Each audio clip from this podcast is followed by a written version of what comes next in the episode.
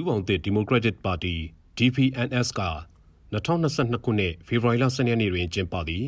ပင်လုံစာချုပ်ချုပ်ဆိုခြင်း85နှစ်မြောက်ထိမ့်မှတ်ခဏသို့တဝန်လွှာပေးပို့ပါတယ်။အဲ့ဒီတဝန်လွှာအပြည့်စုံမှာ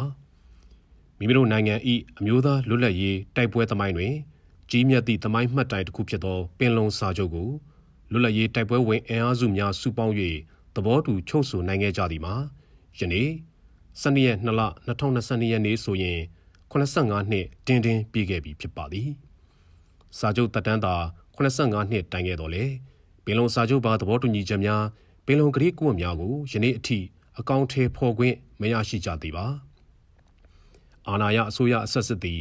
ပြည်ထောင်စုစစ်စစ်ကိုတိဆောက်ကြရမည်အစားပြည်ထောင်စုအမိခံတပီးထောင်စနစ်ကိုသာတိဆောက်ခဲ့ကြသည်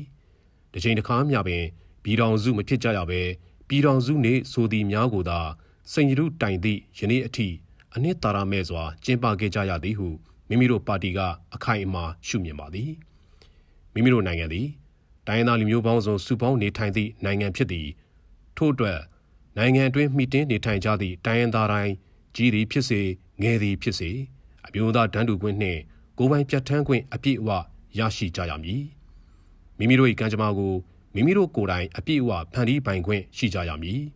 ဒီမိုကရေစီနှင့်လူ့အခွင့်အရေးကိုအပြည့်အဝရရှိကြရမည်ဖြစ်သည်ဟုမိမိတို့ပါတီကယုံကြည်ပါသည်